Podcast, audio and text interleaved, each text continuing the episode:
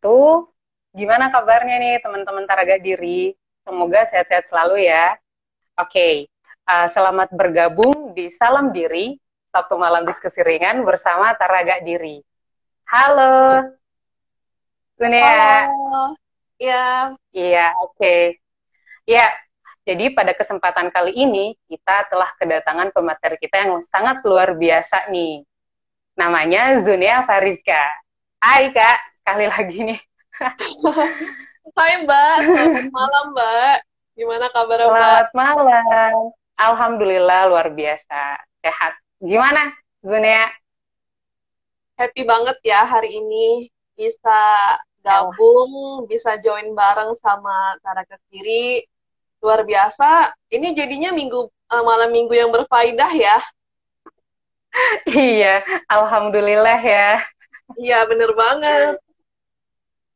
Oke, teman-teman. Uh, terima kasih ya teman-teman yang udah bergabung. Hai Mas Dika, halo Suryani, halo semuanya. Iya, jadi mungkin uh, saya sedikit perkenalan nih uh, tentang Kak Zunia ini.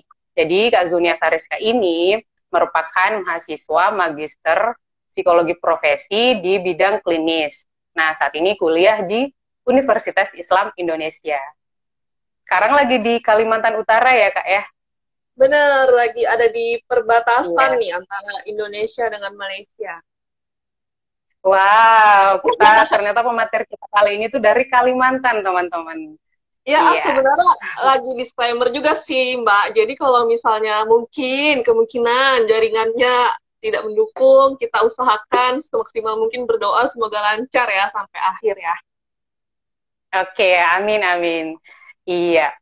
Baik teman-teman, jadi malam ini kita akan bahas tentang FOMO. Nah, FOMO ini merupakan singkatan dari fear of missing out atau kekhawatiran akan ketertinggalan gitu ya atau enggak up to date gitu.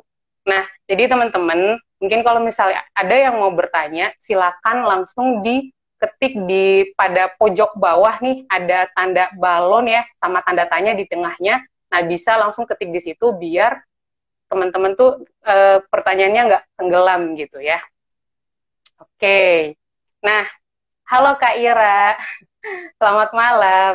Iya, jadi e, kita kan sekarang itu sangat dekat dengan gadget ya, apalagi kayaknya udah semua orang tuh punya media sosial gitu ya. Nah, tentu ada manfaatnya, yaitu misal kita dengan mudah mendapatkan informasi seperti itu.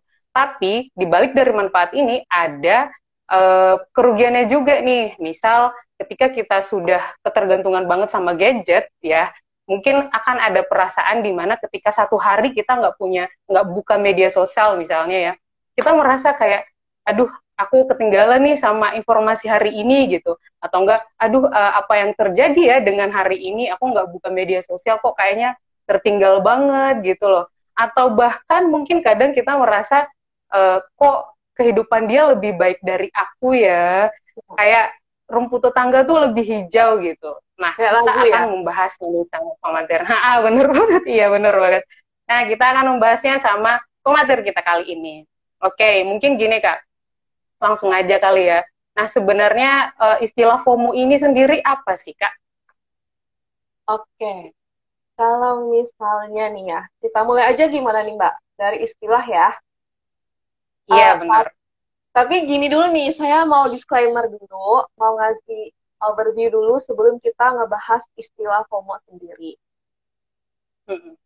Jadi sebelum kita membahas istilahnya ini seperti apa lebih dalam, mungkin saya ingin bertanya dan teman-teman rekan-rekan semua boleh banget jawab di dalam hati ya, jawab di dalam benaknya paling dalam. Oke, pertanyaan saya tuh simple banget dan mungkin relate ya sama kehidupan kita. Saat hmm. pertama kali kita bangun tidur, apa yang pertama kali kita lakukan? iya, benar ya. banget. Iya, ya. iya, apa yang pertama kali kita lakukan? Uh, mungkin ada hmm. sebagian orang yang berdoa, mengucapkan syukur karena udah bangun tidur, udah bisa hidup kembali dari mati yang tertunda gitu ya atau ada yang langsung minum air putih atau ada yang tidur lagi bahkan kayak saya tuh sering banget tuh pak jadi habis bangun kok malah tidur lagi gitu malah nggak nyadar gitu ya iya, nah, iya. ada yang bilang tuh langsung lihat jam oke okay, bisa jadi juga hmm. ada yang hmm. lihat waktu lihat pukul berapa gitu ya atau yang melaksanakan ibadah tapi ada hmm. juga sebagian orang yang begitu bangun pertama kali yang dia lakukan adalah mengecek media sosial Iya, benar ya. banget. Siapa di sini teman-teman nih? Apakah benar juga merasakan hal yang sama seperti itu? Nah, iya. Nah, kalau misalnya kita nih baru aja langkah awal dalam kehidupan yaitu ketika bangun tidur udah langsung mengecek media sosial, ada kecenderungan kita juga mengalami sindrom FOMO. Nah, jadi udah hmm. tahu ya, ini oh ternyata gini gitu relate-nya. Nah, kalau dari secara istilah, FOMO ini ya, kalau dari bahasa Inggris kan fear of missing out ya, ketakutan akan kehilangan sesuatu. Kalau secara uh, maknanya seperti itu. Tapi kalau misalnya kita artikan lebih deep lagi, lebih dalam lagi, sebenarnya FOMO ini suatu sindrom. Kalau saat ini masih dikatakan hmm. sindrom ya. Uh, mungkin kalau teman-teman yang masih belum tahu, rekan-rekan yang belum tahu sindrom itu apa. Jadi sindrom itu dalam istilah psikiatri, kedokteran, dan psikologi adalah salah satu kumpulan ciri-ciri atau simptom. Jadi kan di FOMO itu ada ciri-ciri itu Mbak, nanti saya sebutin. Mm. Nah, kumpulan-kumpulan mm. dari itu akan membentuk suatu fenomena yang dinamakan FOMO. Nah, sindrom mm. ini berkaitan sama permasalahan kesehatan mental ketika seseorang itu merasakan ketakutan terus-menerus. Ketakutan terus-menerus yang dirasakan, kekhawatiran gitu kan, terus ngerasa cemas, kok kayaknya aku ngerasa takut dengan sesuatu hal yang belum pasti terjadi gitu. Di mana hmm, hmm, hmm. kecemasan ini muncul karena merasa momen-momen notifikasi, postingan, informasi dari pihak lain itu tuh kayaknya lagi berkembang tapi kita nggak bisa ngikutin gitu. Nah jadi secara istilahnya kayak gitu tuh. Semoga bisa nangkep ya kalau misalnya ada yang kurang bisa banget ditanyain ya gitu ya Mbak Tora ya. Hmm, berarti tadi kayak ada rasa cemas, kekhawatiran dan takut juga gitu ya. Kemudian ke, tadi dikatakan sindrom karena memang ada kumpulan gejala gitu ya. Iya, betul. Oke, seperti itu. Oke. Nah, kemudian uh, kan uh, istilah FOMO ini tuh kayak belum terlalu banyak yang tahu gitu loh. Nah, sebenarnya kapan sih istilah ini mulai berkembang gitu? Oke. Jadi kalau misalnya kita mau menggali sedikit ya tentang historical hmm. atau sejarah FOMO itu sendiri itu tuh sebenarnya nggak cuma berkaitan sama media sosial yang memang lagi hype banget nih hmm. sekarang karena kan apa-apa orang-orang nganggapnya kayaknya FOMO ini ah lo kayaknya kecanduan deh sama media sosial lo FOMO padahal belum tentu maksudnya bukan belum tentu hmm. dia kecanduan atau dia ngerasa nggak bisa terhubung sama media sosial dia itu udah dibilang FOMO itu aja gitu. Tapi ketika kita ngerasa ketakutan ketakutan akan kehilangan sesuatu momen atau pengalaman milik teman kita orang tua kita keluarga kita meskipun sarananya tuh nggak harus media sosial. Contoh deh saya kasih contoh Misalnya nih, kalau kita lagi ada ujian, ujian kuliah hmm. atau ujian sekolah. Terus kita tiba-tiba keluarga kita tuh punya uh, planning mendadak buat liburan, holiday gitu. Hmm. Tapi karena kita mau ikut ujian, kita nggak bisa bareng sama keluarga kita berangkat ke suatu pulau yang cantik gitu. Kayak Pulau Mbak Tora kan asalnya cantik banget tuh ya. Kalau apa mbak? Iya. Wakatobi. Ya Wakatobi bener. Kalau Wakatobi gitu contohnya ya. Nah ketika dia tidak bisa bergabung sama keluarganya dan harus tinggal sendiri di rumah kan itu malang banget ya, perlu banget. Lalu dia merasakan ada satu atau beberapa kecenderungan FOMO karena kayak ngerasa takut, ngerasa khawatir, kayaknya keluarga aku kayaknya lebih bahagia deh, lebih menyenangkan deh di sana kok aku nggak bisa ya bareng sama keluarga aku di sana ya terus ngerasa kayaknya hidupnya dia tuh bener-bener terabaikan gitu nggak bisa bareng sama hmm. keluarga itu juga udah termasuk FOMO loh hmm, jadi nggak harus okay, okay, berkaitan okay. sama media sosial kayak gitu okay. nah hmm. untuk menjawab yang tadi tentang istilahnya tuh sejak kapan sih muncul jadi sebenarnya kalau kita mau mengkonstruksikan teori, aduh bahasanya berat banget ya, nggak usah lah pakai bahasa yang berat banget kalau malam minggu ya. Yeah. Uh, maksudnya kalau misalnya kita mau menyederhanakan lagi nih variabel FOMO, ini kan sebenarnya asalnya dari anxiety ya atau kecemasan. Mm-hmm. Kecemasan sendiri itu juga udah muncul dari berabad-abad lamanya, bahkan sebelum Masehi itu udah muncul. Terus berkembang mm. sampai tahun uh, 18-an, abad abad akhir 19, abad ke-19 sampai di tahun 1996 itu Dean uh -huh. itu salah satu uh, penggiat seingat saya penggiat tentang bisnis gitu ya. Jadi mulai berkembang di situ FOMO karena uh, beliau ini mau membuat para customer, para pelanggannya uh -huh. merasa tidak tertinggal dengan barang-barang yang dikeluarkan oleh salah satu perusahaan gitu.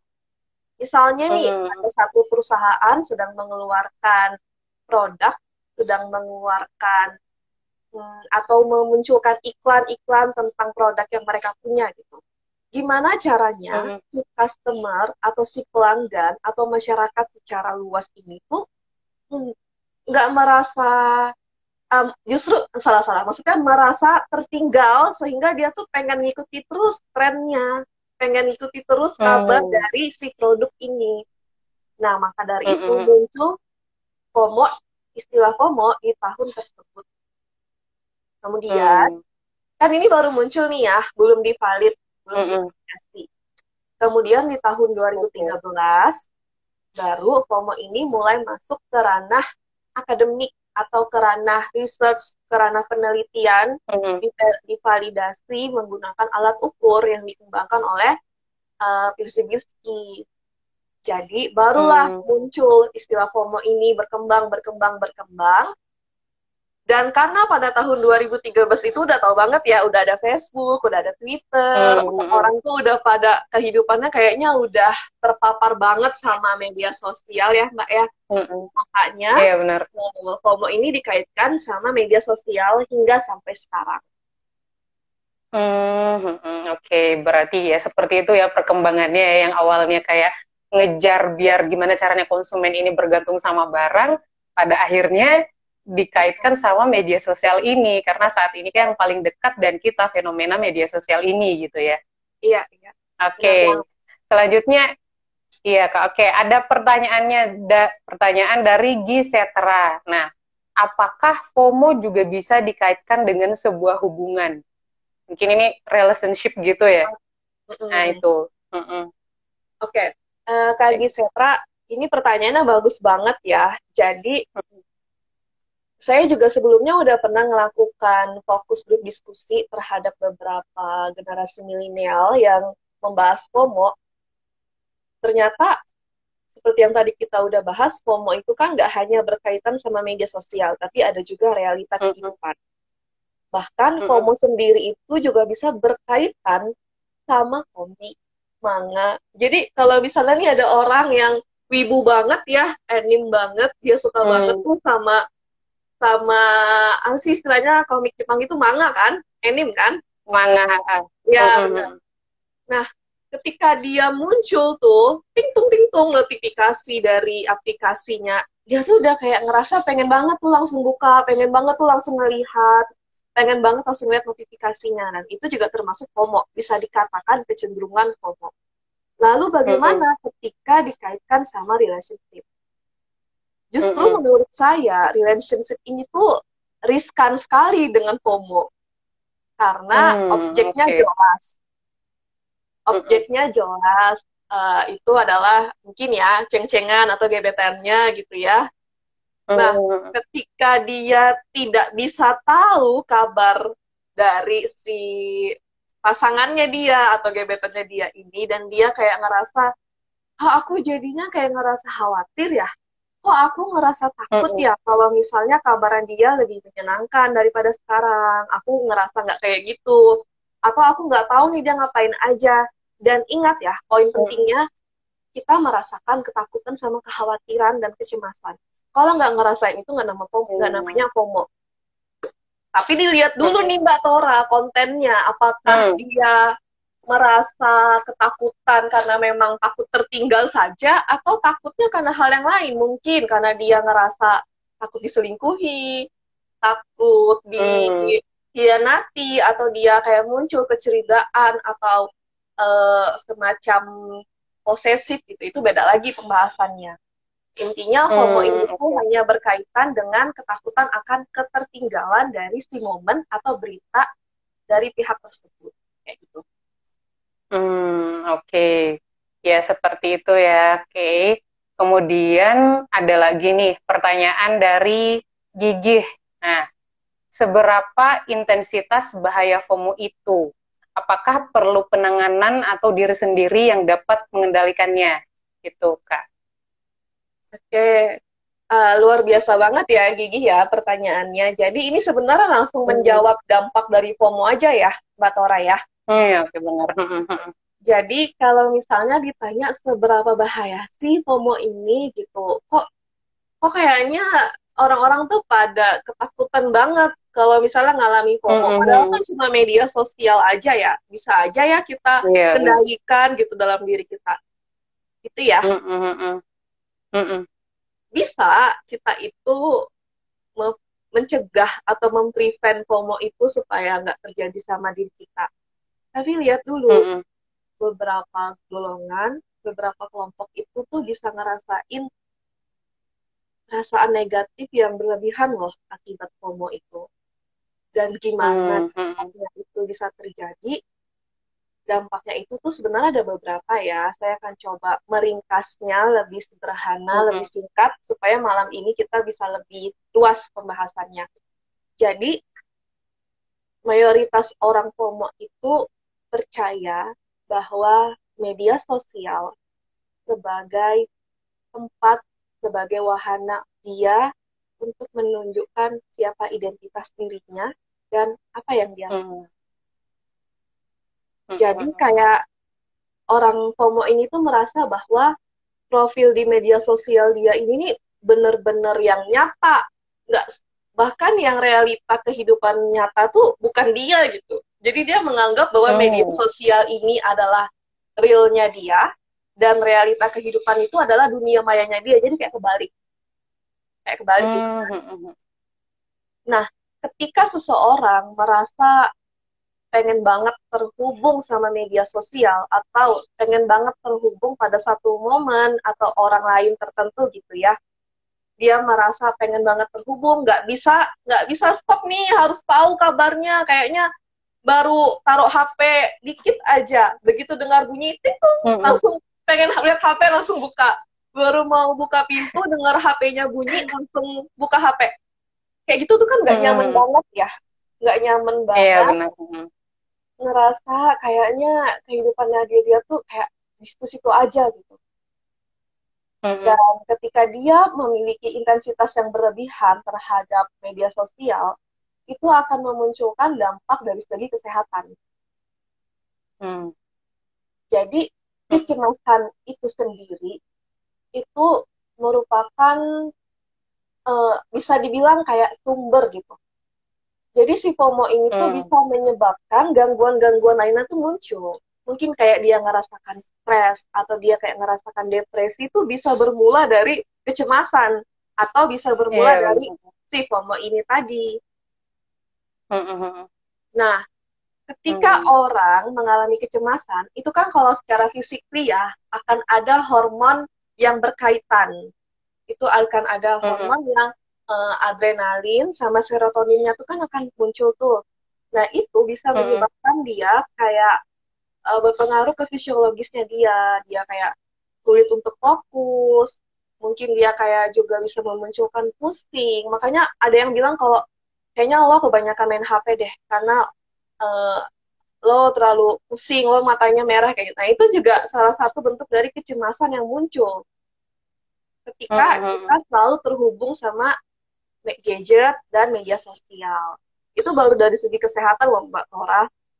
Baru -hmm. dari segi kesehatan. Oh, dari segi hubungan okay. sosial, dampaknya itu tuh besar banget ya. Kayak tadi yang saya mm -hmm. bilang, ketika orang mengalami FOMO, dia akan lebih mengutamakan kehidupan dunia maya dibandingkan kehidupan realitanya dia sehingga dia nggak punya banyak waktu untuk berkembang untuk mengembangkan potensinya dia untuk bekerja lebih baik secara optimal. Sehingga apa yang terjadi? Tidak produktif kan? Banyak pekerjaan yang terbengkalai dan dia mengabaikan aktivitas kehidupannya dia gitu. Apalagi ini musim COVID. I really know kalau COVID ini memang benar-benar mendorong kita untuk ya secara tidak langsung mentoleransi perilaku-perilaku yang menyimpang ya. jadi kayak misalnya kalau misalnya COVID kan karena di rumah aja ya, jadi uh, mm-hmm. kita mau keluar bingung juga mau nge-refreshing diri akhirnya memilih gadget, memilih media sosial itu mm-hmm. sebagai bentuk pengalihan diri kita ya it's okay karena kan hmm. tiap orang punya coping stress yang berbeda ya penyelesaian masalah yang berbeda. Hmm. hmm, hmm.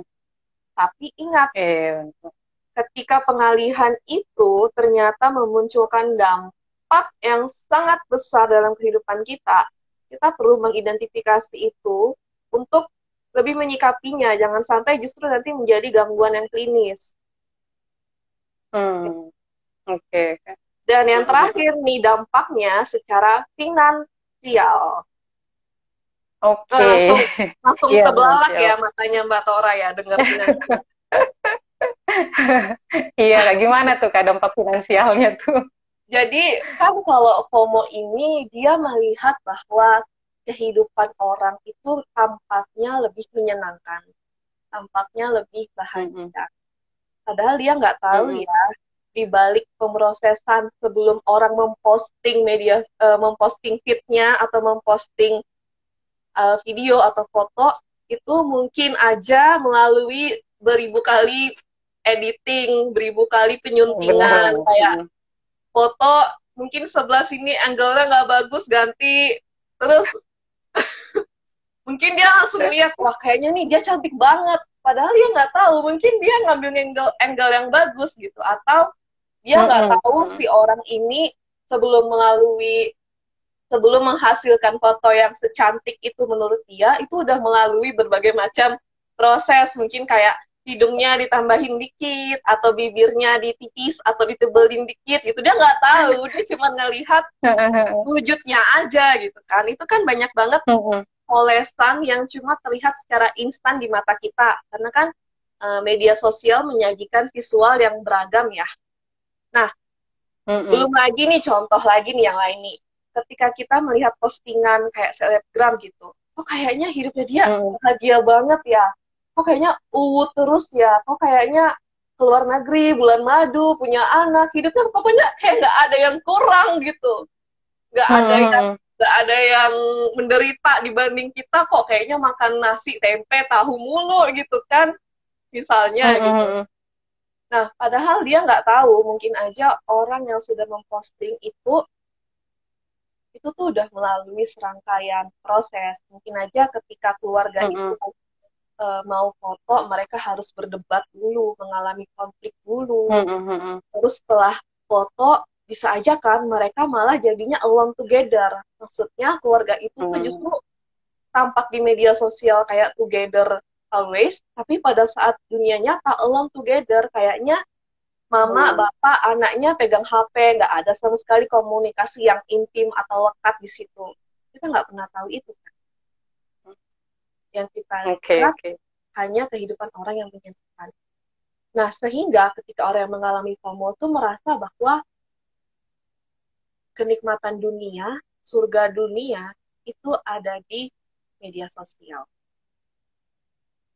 sehingga hmm. ketika hmm. dia melihat tren baju, tren handphone, tren pernah nggak sih Mbak Tora ngerasain kalau ngelihat selebgram yang Mbak Tora suka banget itu lagi mempromosiin salah satu produk dan Mbak Tora kayaknya percaya nih produknya tuh bagus untuk Mbak Tora. Bisa nggak sih Mbak Tora? Oh iya. Iya, ya bisa, bisa aja gitu. Karena kan emang yang ditampilkan itu yang bagus-bagusnya aja gitu kan. Benar kan? Mm -hmm. Atau enggak ada juga tuh Mbak selebgram yang mereview makanan sampai reviewnya mau meninggal. Mau mau apa? Bukan mm. semua kata-kata disebutin yang bagus-bagus sampai mau meninggal disebut. Iya, iya benar benar benar. Kita mm -hmm. tahunya makanan itu enak, barang itu bagus, produk itu bagus sehingga kita kayaknya nggak bisa ketinggalan apa ya mereka iklankan gitu akhirnya merogoh hmm. merogoh kon ini kantong Gajek. menguras hmm, uang hmm, baru beli baru beli baju beli lagi karena FOMO tadi nggak bisa kelewatan dengan apa yang mereka tampilkan di media sosial makanya FOMO itu juga bisa berpengaruh terhadap aspek finansial gitu. oke okay. oh ya seperti itu ya kak oke okay, kak Gigi begitu ya jawabannya Iya, sama-sama. Terima kasih juga pertanyaannya.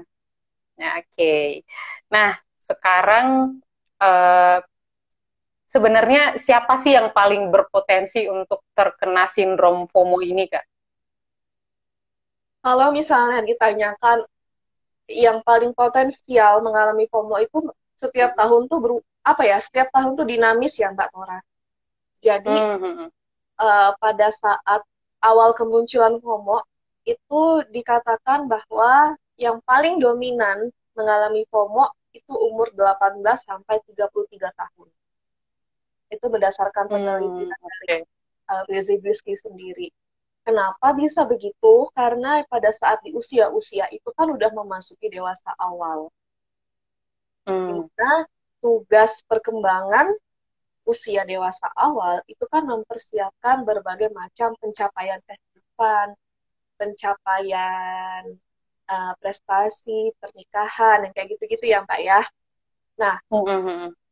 dia akan merasa termotivasi ketika melihat orang-orang di sekitarnya itu tuh kayaknya udah punya semuanya gitu. Pernah nggak sih Mbak hmm. Tora di umur sekarang? Mbak Tora masih muda kan umurnya? Masih 20-an kan? Iya dong. Atau atau masih 15 tahun? Oh iya kelihatannya masih 15 tahun.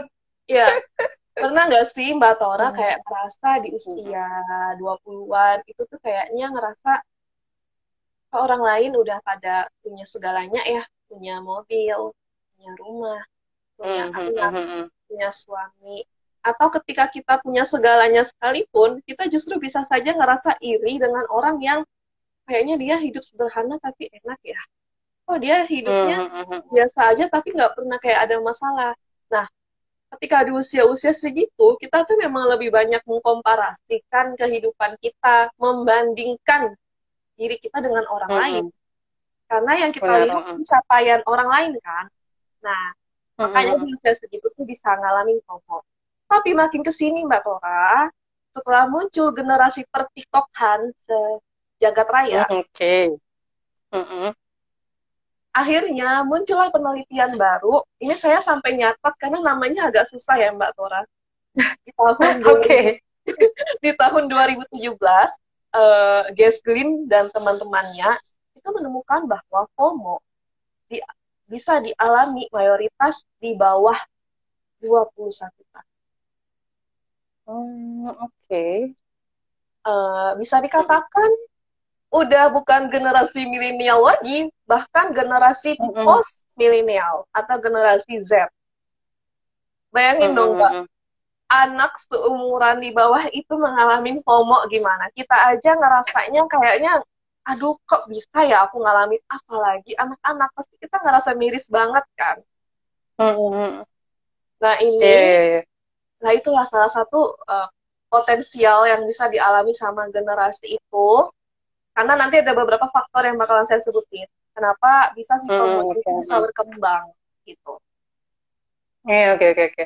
Nah berarti memang saya bisa tarik kesimpulan nih bahwa ternyata siapa pun itu bisa mengalami FOMO ini gitu. Siapa? Apalagi sekarang kan hampir semua kalangan itu sudah memegang ini Android gitu kan dan mempunyai media sosial gitu. Jadi mungkin itu adalah salah satu sumbernya kenapa bisa merasakan atau ya terkena sindrom FOMO ini tadi gitu.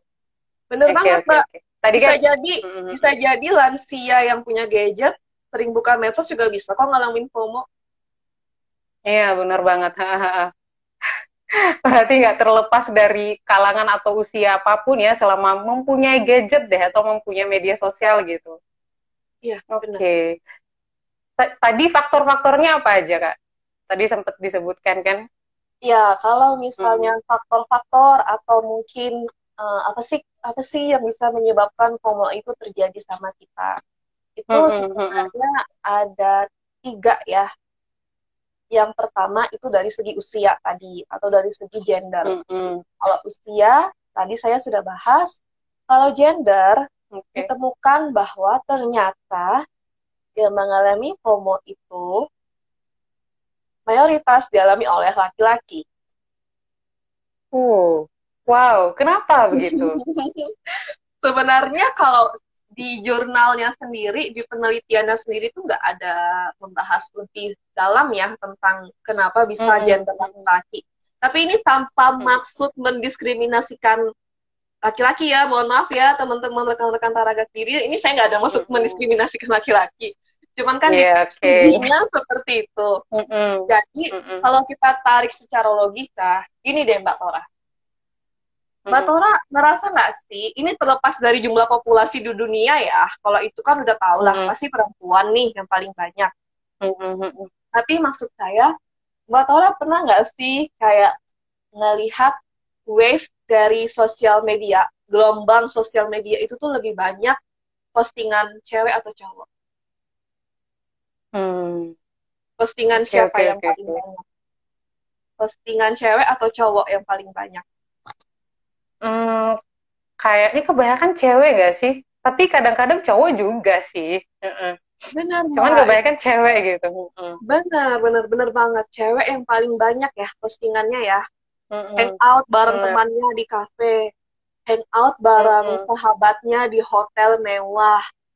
Terus yang nggak yang nggak ngeposting kebanyakan kan cowok ya. Mm-mm. Akhirnya mereka hanya memantau kan kehidupan okay. si para para oknum-oknum yang memposting ini.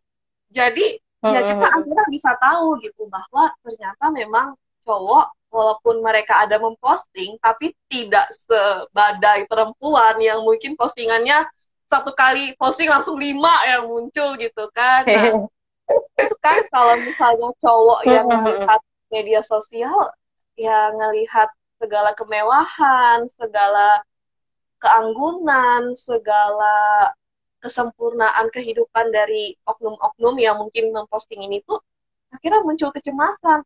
Kok kayaknya hmm. dia mapan banget ya daripada aku ya. Kok lo masih kayak gini-gini aja, penghasilanku masih kayak gini gitu.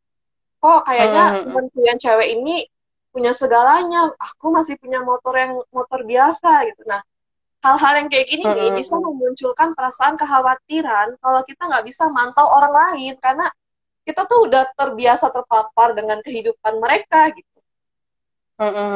Benar-benar. Hmm. Oke, okay. ya, gitu. mungkin ada ini juga sih kak, mungkin ya ada hubungannya sama konstruksi sosial di mana kayak cowok itu dituntut untuk harus bisa mempunyai pegangan sendiri gitu loh di usia segini misal kayak gitu kan jadi kayak ketika melihat media sosial dan kemudian kok banyak ya yang umur usia muda tuh udah punya tabungan sendiri kayak gitu-gitu kan punya uang penghasilan sendiri gitu nah mungkin ada hubungannya juga dengan itu ya kak ya benar-benar okay. banget hmm. itu baru satu okay. mbak tadi Kamu... faktornya oh iya benar oke okay. selanjutnya apa lagi nih Ya, ini saya cepetin ya. Iya. saya cepetin ya. Terus okay. yang kedua itu SNS atau Social Networking Site. Nah, ini yang tadi saya hmm. bilang ada kaitannya sama usia. Mm Social Networking Site itu tuh kayak teknologi informasi komunikasi yang makin menyebar luas di era sekarang. Jadi, kenapa bisa generasi Z itu mudah terpapar sama FOMO? Ya karena mereka dari lahir tuh udah udah dihadapin sama teknologi yang canggih. Hmm. Hal hmm. ini yang membuat mereka menyadari bahwa kehidupan tuh memang seperti itu gitu loh nggak kayak kita generasi hmm. 90-an eh loops tersebut deh jadinya nggak kayak kita gitu okay. ya generasi 90-an yang kalau bangun tidur di hari Minggu nontonnya Doraemon, Nobita beda sama mereka -hmm. Generasi digital generasi Z begitu bangun tidur lihatnya YouTube ngelihatnya uh, live-nya FF live-nya Mobile Legend atau ngelihat yeah, benar. Lihatnya uh, siapa sih yang gamer itu saya lupa deh namanya. Just No Limit dan sebagainya lah ya yang kayak ah, gitu. Jadi kan kayaknya nggak bisa okay, kalau nggak okay. terhubung sama itu semua. Nah itu yang kedua dan yang terakhir ini yang penting itu adalah kurangnya motivasi secara psikologis. Jadi orang yang hmm. mengalami FOMO itu memiliki kebutuhan motivasi psikologis yang rendah. Khususnya berkaitan okay. dengan keterhubungan mereka terhadap sosial. Jadi orang yang FOMO ini memang mereka tuh kayak ngerasa gimana ya, need-nya mereka terhadap keterhubungan sosial itu tuh rendah banget gitu. Justru mm -hmm. uh, sehingga mereka merasa bahwa ya mereka harus terus terhubung gitu kan Salah, hmm. bukan rendah, maksudnya tinggi. Maaf ya jadi terbelibet. Jadi maksudnya okay. mereka ini punya kebutuhan yang tinggi terhadap keterhubungan sosial, sehingga ya pengennya tahu terus kabar orang lain. Makanya motivasi ini hmm. juga berhubungan dengan faktor penyebab dari FOMO itu sendiri. Hmm, Oke, okay. seperti itu ya ternyata ya. Hmm. Oke, hmm. oke, oke. Kemudian ini mungkin sebagai langkah pencegahan gitu ya, gimana sih caranya biar diri itu nggak sampai terkena sindrom FOMO ini?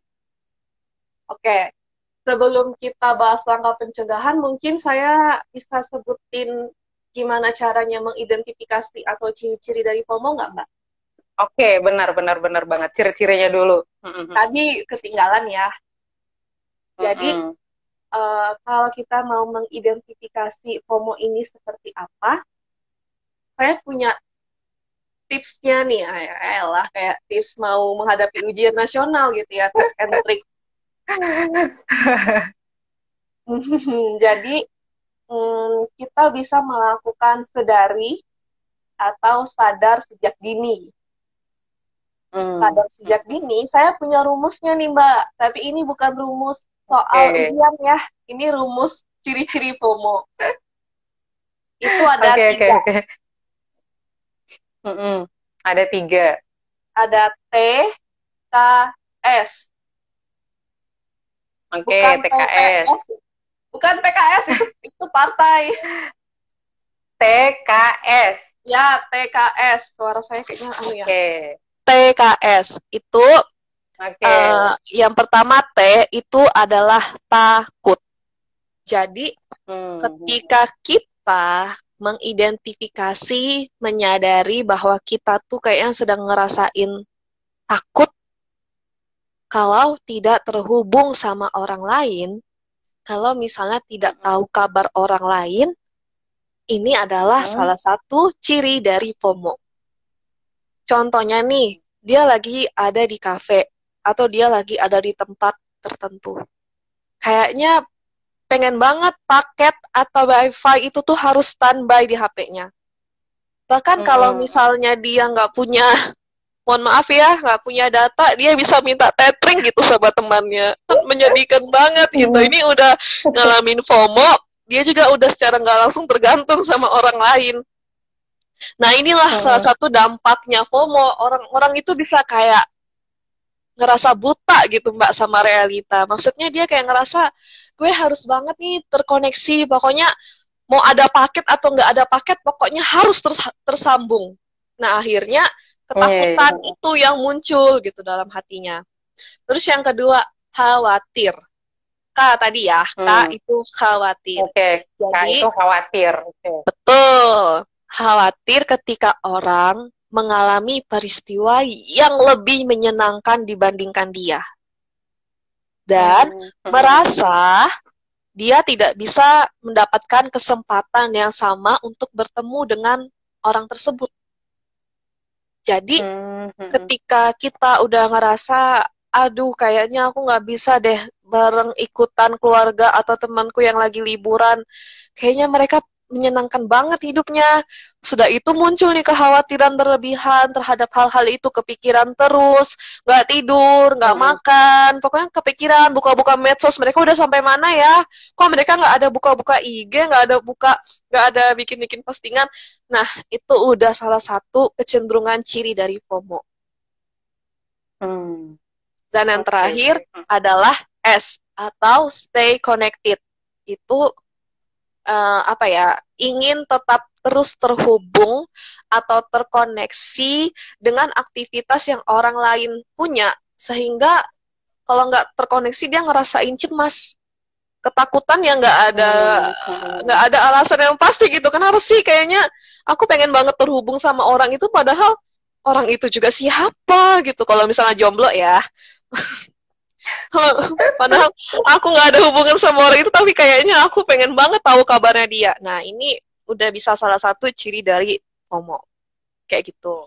Hmm, oke oke oke. Berarti PKS tadi ya. Benar. Oke, oke, oke. Hmm. Oke, terus tadi ya. dampaknya eh dampak apa tadi Mbak? Saya lupa.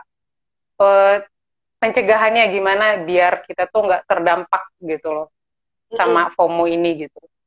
Oke, okay. kalau dari segi pencegahan, saya pastinya nggak bisa langsung ngomong berdasarkan diri saya aja ya, karena saya berharap bisa diterapkan juga ke rekan-rekan teman-teman semua. Kalau udah berhubungan sama general, kita pastikan ngaitkannya dengan studi atau penelitian yang terkait ya.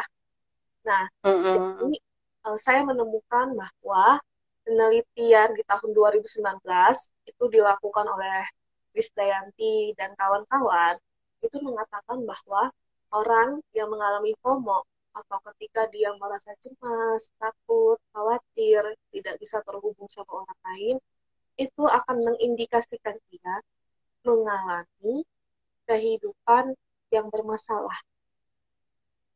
Mm -hmm. Bisa kayak gitu, Ya karena yang tadi sudah saya jelasin juga bahwa banyak hal-hal yang mungkin dari dirinya sendiri tuh kayak tertinggal, kayak nggak terurus, bahkan terabaikan mm -hmm.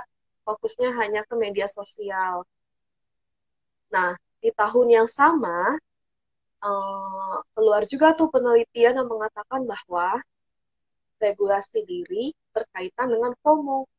Maksudnya gimana ya? Hmm. Apaan sih regulasi yeah. diri yeah. itu? Nah, jadi regulasi diri itu adalah salah satu kemampuan yang dimiliki kita untuk mengendalikan diri kita berdasarkan tujuan atau pencapaian yang mau kita capai. Itu regulasi diri. Mm-hmm. Ketika seseorang memiliki regulasi diri yang tinggi, pastinya dia itu punya perencanaan hidup yang baik. Cara untuk mm-hmm. mengendalikan dirinya dengan baik sehingga dia fokusnya hanya ke tugasnya dia, ke pencapaian dia gitu. Kalaupun buka media sosial, hmm. buka memang seperlunya aja berdasarkan kepentingan yang dia mau buka gitu kan. Hmm. Nah, ketika orang punya regulasi diri yang tinggi tadi, itu bisa menurunkan tingkat FOMO. Hmm. Okay. Nah, sebaliknya Mbak, justru kalau orang yang regulasinya diri, regulasi dirinya rendah, dia kayaknya susah banget ngendaliin dirinya dia, susah banget buat bisa fokus menjalani kehidupannya dia, susah banget untuk hmm. punya perencanaan kehidupan. Hal ini tuh semakin membuat dia mudah terjebak di lingkaran Saito Nirojin dari si FOMO ini tadi. Oke. Okay. jadi kalau ditanya gimana cara untuk mencegah mencegah secara awal ya, mencegah secara dini FOMO -huh. itu dimulai dari regulasi diri, dimulai dari pengendalian terhadap diri kita sendiri. Kita hmm. nih sekarang kita tuh punya tujuan, punya pencapaian apa sih dalam kehidupan? Kalau hmm, hmm, misalnya kita mikirnya cuman pengen jadi beban orang tua atau cuman pengen jadi beban keluarga gitu kan, ya udah main aja tuh terus media sosial tanpa berusaha untuk produktif, tanpa berusaha mm -hmm. untuk bantu orang tua di rumah, tanpa berusaha mm -hmm. untuk ya setidaknya luangkanlah waktu buat nyapu atau ngepel gitu di rumah gitu kan, setidaknya produktif, jangan jadi beban orang tua terus gitu. Nah, jadi yeah. coba kita sadari dulu nih tujuan kita itu apa, pencapaian kita itu apa, sehingga muncul kemampuan untuk bisa mengendalikan diri tersebut sehingga kita tuh bisa lebih fokus gitu dalam menjalani kehidupan hmm. dan si FOMO ini tadi tuh nggak akan bisa masuk ke diri kita kayak gitu. Hmm, hmm, hmm, oke oke oke. Berarti hal yang paling utama tadi adalah sadar gitu ya. Kita lebih aware gitu loh kepada apa sih sebenarnya yang saya alami sekarang ini gitu. Misal kita udah merasa takut atau khawatir atau bahkan mungkin cemas, wah sepertinya saya harus berhenti kayak gitu ya. Sebelum saya memang benar-benar terkena sindrom FOMO ini kayak gitu ya, ya kak ya. Benar-benar. Oke. Okay. Hmm. Oke, okay, okay, Itu tadi tindakan preventifnya atau pencegahannya gitu. Nah, kemudian kalau misalnya udah terkena sindrom FOMO nih kak, nah gimana caranya biar kita terbebas dari sindrom ini gitu. Oke, kalau misalnya mau bahas how to deal of fear of missing out atau bagaimana caranya mm -hmm. kita bisa berdamai, cara bisa mengatasi FOMO itu sendiri itu sebenarnya ada banyak banget mbak ya, banyak okay. banget dan itu iya, menyesuaikan kondisi kita sendiri gitu. Maksudnya ada orang-orang mm -hmm. tertentu yang nyaman menggunakan cara ini ada orang-orang tertentu mm -hmm. yang nyaman menggunakan cara itu. Dari saya pribadi, karena saya ini kan asalnya dari Universitas Islam, jadi saya tuh melakukan penelitiannya uh, berkaitan sama salah satu bentuk coping yang Islami juga, itu muhasabah. Mm -hmm. Okay. Tapi mm -hmm. khusus taragak diri, saya berusaha untuk lebih mengembangkan otak saya. Gimana cara-caranya ini si FOMO itu tuh bisa muncul gitu. Eh, bisa muncul. Kok malah hmm. dimunculin ya? Maksudnya bisa dihapuskan gitu. Kayak diusir. Iya, benar. Hmm. Itu ada beberapa, tapi saya singkat-singkat aja nggak apa-apa ya Mbak, karena banyak banget. Ada iya. sekitar hmm. lima hmm. lebih. Yang pertama itu hmm. adalah melacak pikiran negatif. Jadi, okay. ketika orang FOMO, dia itu kan punya pikiran-pikiran kecemasan punya pikiran-pikiran mm -hmm. ketakutan. Oh kayaknya aku takut banget ya, takut nggak bisa sama kayak orang itu. Nah, kalau udah mm -hmm. tahu nih pikiran negatifnya kayak gitu, kita tulis di jurnal atau di kertas.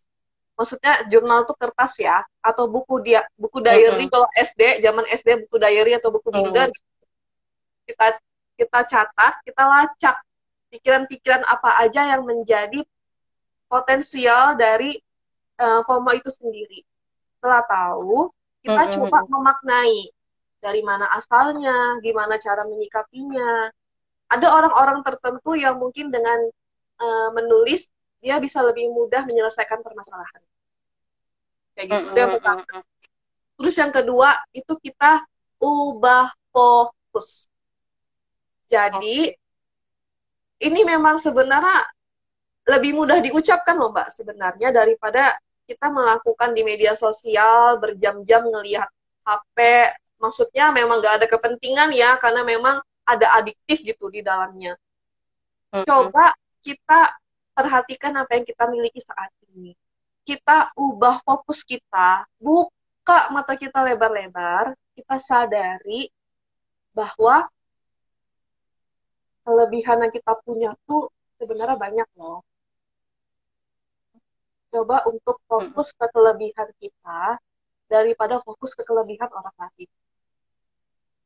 Coba ubah fokus kita dari kekurangan yang kita punya. Gimana sih kekurangan kita punya ini bisa kita buat sebaik mungkin sehingga bisa menjadi kelebihan. Dibandingkan memikirkan bahwa kekurangan kita ini tuh bakalan selalu di bawah daripada orang lain. Nah, okay. itu ubah fokus. Terus yang ketiga itu menerima diri sendiri. Ini penting banget, Mbak. Karena mm. Kadang kita tuh nggak nyadar loh kayaknya mungkin aja orang di sekitar kita itu merasa bahwa diri kita tuh yang lebih bahagia daripada mereka dan kita ngerasa hmm. mereka yang lebih bahagia daripada kita daripada hmm. kita hidup dengan siklus yang begitu terus mulai sekarang coba untuk menerima diri sendiri dulu kita harus menyadari bahwa kita tuh nggak bisa mengikuti perkembangan orang setiap saat ini pasti hmm. akan ada ujungnya hmm. ini pasti akan ada titik akhirnya tapi mau sampai kapan kita terus begini kan maka dari hmm. itu hmm. kita perlu untuk bisa menerima semua yang ada dalam diri kita tanpa syarat tanpa syarat ketentuan berlaku kayak produk MLM gitu kan nggak nggak pakai kayak gitu tapi memang benar-benar kita menyadari bahwa apa yang kita punya itu berharga karena kalau bukan diri kita sendiri itu siapa lagi gitu. Mm benar banget. Harus dimulai dari diri sendiri gitu ya. Benar. Accepting diri kita sendiri. Itu utama banget. Kalau kita udah bisa menerima diri kita sendiri, selanjutnya adalah menghargai diri kita sendiri. Dan hmm. fokus untuk berterima kasih, bersyukur dengan apa yang sudah kita punya. Coba deh sekali-sekali hmm. tuh kayak peluk diri kita gitu, Mbak Tora. Mbak Tora pernah nggak sih kayak peluk diri sendiri? Oh, pernah. Pernah, pernah ya? Iya. Apa karena nggak pernah dipeluk orang lain? Nggak nggak mbak. Mbak bercanda mbak. Itu saya proyek tentu tidak. iya dong itu kan adalah salah satu cara untuk menghargai diri sendiri gitu kan. Iya benar banget mbak. Jadi coba sekali sekali kita itu menghargai setiap perjalanan yang kita lalui dalam hidup ini dengan cara ya berterima kasih bersyukur bersyukur pada diri kita sendiri, hmm. bersyukur pada Tuhan yang sudah menciptakan kita, membuat kita kuat sampai saat ini. Dengan begitu kita nggak mungkin ngerasa nggak ngerasa kepikiran sama kehidupan orang karena kita nggak punya waktu untuk orang hmm. lain. Hmm. hmm, hmm, hmm Yang okay, gitu. Okay, okay. Terus hmm. uh, selanjutnya mengendalikan penggunaan media sosial. Ini ya ini sama ya kayak regulasi diri tadi ya. Intinya kita hmm. coba sebijak mungkin mengendalikan atau pakai cara kayak gini deh. Biasanya kan uh, dalam sehari itu kita punya 24 jam ya. Bukan hmm. biasanya, memang seharusnya ya Mbak ya. Memang, memang 24 jam. ya, mohon maaf Mbak, ini agak karena udah malam gitu. Nah, 24 okay. jam kita punya waktu ya nggak mungkin kan selama 24 jam itu waktu yang kita punya hanya untuk media sosial boleh main media sosial. Media sosial tuh nggak buruk kok, tapi kalau kita pakainya juga nggak berlebihan. Coba ya, sisakan waktu 1 sampai dua jam aja atau sisakan waktu menurut kalian yang kita butuhkan lah. Dengan begitu tuh akan lebih mudah untuk kita bisa hmm. menjadi alarm pada saat menggunakan media sosial. Hmm. Oke, okay, okay. terus dua ya yang terakhir ya. Sebenarnya masih banyak tapi saya uh, maksimalkan dua lagi yang yeah. dua yang terakhir itu adalah mindfulness.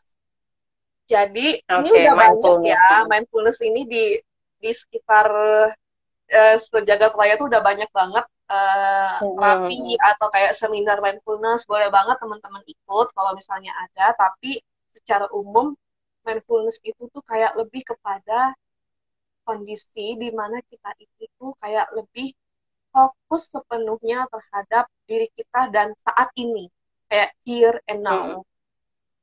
Hmm. Okay. Jadi kita cuma fokusnya terhadap apa yang kita sedang lakukan saat ini gitu. Kalau misalnya kita lagi pusing, hmm. lagi khawatir, lagi cemas, mikirin orang lain, coba deh sekali-sekali pada saat jalan, pada saat jalan kaki atau naik motor atau naik mobil, perhatikan lingkungan sekitar, pemandangan sekitar, mm-hmm. ada burung-burung lewat, ada suara kicauan burung, ada hirup udaranya dengan nikmat, kecuali siang hari jangan ya, karena polusi, maksud saya pagi hari atau sore hari gitu.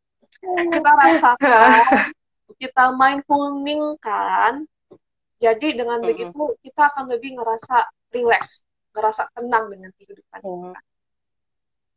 Dan yang terakhir, Mbak, terakhir itu adalah muhasabah. Ini yang saya teliti kemarin. Jadi uh, singkatnya okay. kita itu perlu banget untuk mengevaluasi, mengintrospeksi apa yang udah kita lakukan dalam sehari, dalam seminggu, dalam sebulan, dalam setahun belakangan.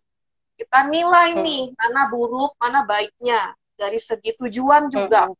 dari segi niatnya juga. Apakah selama ini kita memposting itu untuk mendapatkan pengakuan dari orang lain atau tidak? Atau kita pengen lihat postingan itu karena bentuk ketidakbersyukuran diri kita terhadap diri kita sendiri. Jadi kita perlu banget untuk mengintrospeksi, menyadari kalau misalnya yang beragama Islam merasakan bahwa apakah selama ini yang aku lakukan mendapatkan ridho Allah nggak ya? Kalau misalnya enggak, pantesan hidup aku tuh kayaknya ngerasa seret banget gitu. Jadi perlu hmm. banget untuk kita bermuhasabah diri mulai sedari dini. Kayak gitu. Oke. Okay. Udah Mbak kelar. Berarti memang oke okay, oke. Okay. Nah, berarti memang apa ya untuk melepaskan diri dari FOMO ini ya kita dari diri sendiri gitu. Kita nggak perlu nunggu orang lain untuk mengingatkan kita. Ya kita mulai dari diri sendiri gitu ya. Kemudian memang kalau kita bicara soal cara, memang ada begitu banyak cara dan nggak semua cara juga cocok untuk diterapkan ke diri kita gitu. Jadi perlu banget nih kita tahu kebutuhan kita apa sih gitu dan yang cocok itu apa gitu. Seperti itu ya kak. Oke. Okay ini kita udah di penghujung waktu ya. Iya, ya. Gak kerasa banget ya. Kita memang pembahasan FOMO ini sangat menarik gitu karena sangat dekat dengan kita gitu ya. Benar, benar, benar Tuh. Dan bahkan jika kita tidak membahas FOMO ini, kadang kita merasakannya tapi kita tidak menyadarinya bahwa sepertinya saya sedang mengalami sindrom FOMO seperti itu ya Kak. Benar, benar. Oke. Okay. Nah, karena ini udah uh, di penghujung waktu ya, mungkin teman-teman yang masih kepo soal FOMO bisa langsung uh, tanya di sama Kak Zunia juga bisa mungkin ya, atau mungkin kita bisa jadwalkan di lain waktu gitu. Nah, sekarang untuk closing statementnya Kak, gimana nih uh, menurut Kak Zunia untuk teman-teman taraga diri? Oke, untuk rekan-rekan, teman-teman taraga diri yang uh, budiman, yang berbaik hati pada malam minggu yang berfaedah ini, uh, mungkin kalau diminta untuk closing statement, saya mau memberikan sedikit quote ya Mbak Tora untuk kehidupan kita. Yeah. Semoga bisa hmm. sama-sama kita selalu ingat bahwa hidup kita ini tuh perlu ada penggeraknya. Hmm. Jadi ini quote-nya mohon maaf ya kalau misalnya mungkin kata-katanya agak agak beli agak belibet atau apa soalnya saya nggak sempet nyatat jadi cuma di dalam otak saya gitu oke okay. oke okay. saya coba ya mulai ya jadi hmm. Uh, sekali-sekali perlu banget kita lihat diri kita sendiri lihat dan sehatkan diri kita dari segala macam problema kehidupan saat ini mungkin saja hmm. kita selama ini ngerasa kesulitan, ngerasa banyak hambatan, hmm. karena kita terlalu hmm. sering membandingkan, karena kita hmm. terlalu sering melihat kehidupan orang lain tanpa bersyukur dengan apa yang sudah kita punya saat ini. Ingat hmm. bahwa kehidupan itu bukan suatu kompetisi sehingga okay. kita nggak bisa menuntut untuk menjadi pemenang atau menjadi yang kalah dalam kehidupan ini nggak ada yang kayak gitu tapi hmm. kita akan selalu menjadi pejuang dan pemenang untuk kehidupan kita hmm. okay. dan uh, gimana ya maksud saya tuh uh, FOMO itu tuh memang nggak selalu menjadi kondisi yang parah mbak jadi FOMO tuh bukan hmm. hmm, hmm kita nggak bisa nyalahin FOMO-nya Mbak ya, karena seiring perkembangan hmm. zaman pasti akan ada gangguan-gangguan yang muncul lagi gitu. Tapi hmm. Tergantung dari kita menyikapinya dari semua itu gitu. Jadi kita cukup mengendalikan perasaan takut yang muncul ini sebisa mungkin. Hmm. Salah satu caranya dengan menjaga kesehatan mental kita gitu kan. Hmm. Nah, jadi cobalah untuk menghindari segala hal yang bisa menimbulkan FOMO tadi dan meningkatkan apa yang sudah kita punya, meningkatkan lebih banyak menikmati kehidupan kita sendiri mulai dari hari. Hmm. Gitu. Oke, okay. wow luar biasa sekali ya. Saya tadi sempat kayak, ya benar sekali. Beberapa kata tuh kayak ngena banget gitu loh bahwa kayak misal kita nggak boleh nih melakukan self compression kayak gitu kan kayak selalu membanding-bandingkan diri gitu kan seperti itu ya oke okay. oke okay.